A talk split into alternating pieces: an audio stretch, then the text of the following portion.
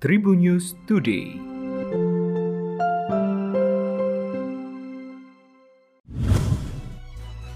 Berjumpa kembali bersama Hakim di Tribun News Today dan Hakim akan berbagi informasi menarik hari ini mulai dari informasi nasional, regional, selebritis dan juga olahraga. Satuan Tugas Penanganan COVID-19 telah menerbitkan aturan protokol kesehatan bagi para pelaku perjalanan internasional. Aturan termuat dalam Surat Edaran atau SE nomor 26 tahun 2021 yang mengatur tentang protokol kesehatan perjalanan luar negeri pada masa pandemi COVID-19. Para pelaku perjalanan luar negeri harus mematuhi protokol kesehatan dengan ketat dan juga memperhatikan regulasi atau kebijakan yang telah ditetapkan oleh pemerintah. Hal itu berguna untuk mencegah penyebaran COVID-19 di Indonesia – Dikatakan tujuan dari surat edaran ini adalah untuk melakukan pemantauan, pengendalian, dan evaluasi dalam rangka mencegah terjadinya peningkatan penularan COVID-19 termasuk SARS-CoV-2, varian baru maupun yang akan datang. Sementara itu, Menteri Kesehatan Republik Indonesia Budi Gunadi Sadikin menyampaikan terkait perkembangan Omikron di Indonesia – Dikatakannya mayoritas temuan kasus varian COVID-19 versi Omicron di Indonesia berasal dari pelaku perjalanan luar negeri. Untuk itu, pemerintah mengimbau masyarakat agar tidak melakukan perjalanan internasional yang tidak mendesak.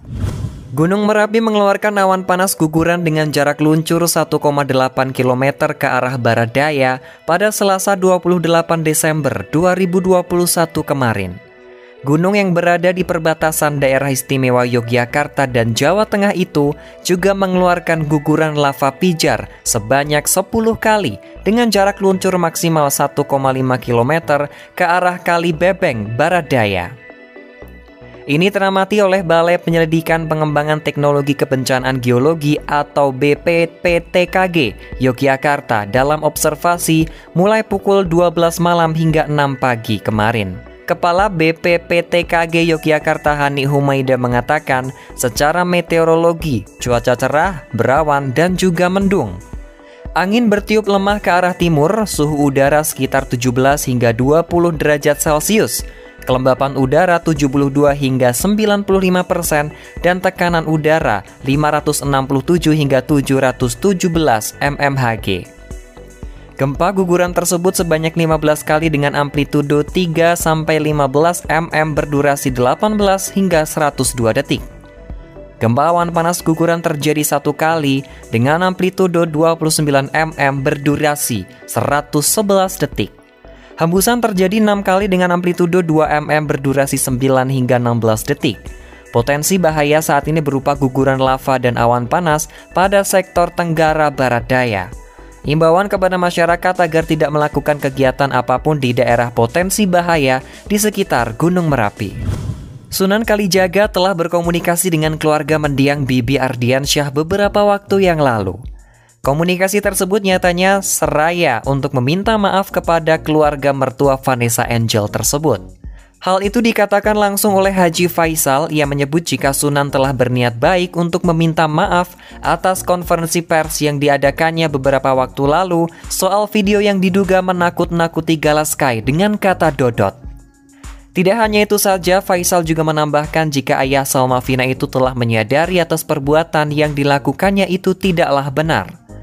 Lebih lanjut, Sunan telah mendatangi dan berbicara empat mata dengan Faisal. Ia tidak mempermasalahkan atas dugaan kasus soal video tersebut. Keduanya asik berbincang soal masa depan Galaskai. Di bawah asuhan Shin Taeyong, para anak muda yang dibawa masuk ke timnas Indonesia perlahan mulai disegani lawan. Berstatus underdog di awal turnamen, Pratama Arhan CS sukses menembus babak final Piala AFF 2020. Gaya permainan timnas Indonesia jadi sorotan di ajang tersebut. Berbekal gemblengan keras terhadap fisik pemain, Shin Taeyong dianggap mulai bisa membentuk basis permainan Garuda yang solid. Kesulitan ini yang akan dinilai mantan pelatih timnas Thailand, Charnwit Polchewin, sebagai modal Garuda yang bisa bikin repot skuad gajah perang. Dia menyebut gaya bermain timnas Indonesia asuhan Shin Taeyong itu tidak disukai pesepak bola Thailand – Timnas Thailand menjadi lawan timnas Indonesia di laga final Piala AFF 2020. Kepastian tersebut didapat setelah tim asuhan Alexander Polking sukses menyingkirkan timnas Vietnam di semifinal dengan skor 2-0. Sebelumnya, timnas Indonesia juga lebih dulu melaju ke final selesai mengandaskan langkah timnas Singapura dengan skor 5-3. Demikian tadi empat informasi terupdate hari ini dan jangan lupa untuk terus mendengarkan Tribunnews Today hanya di Spotify Tribunnews Podcast dan juga YouTube tribunnews.com. Tetap patuhi protokol kesehatan dengan memakai masker, mencuci tangan dan menjaga jarak atau menjauhi kerumunan. Saya Hakim pamit, salam sehat untuk semua dan sampai jumpa. Tribun News Today.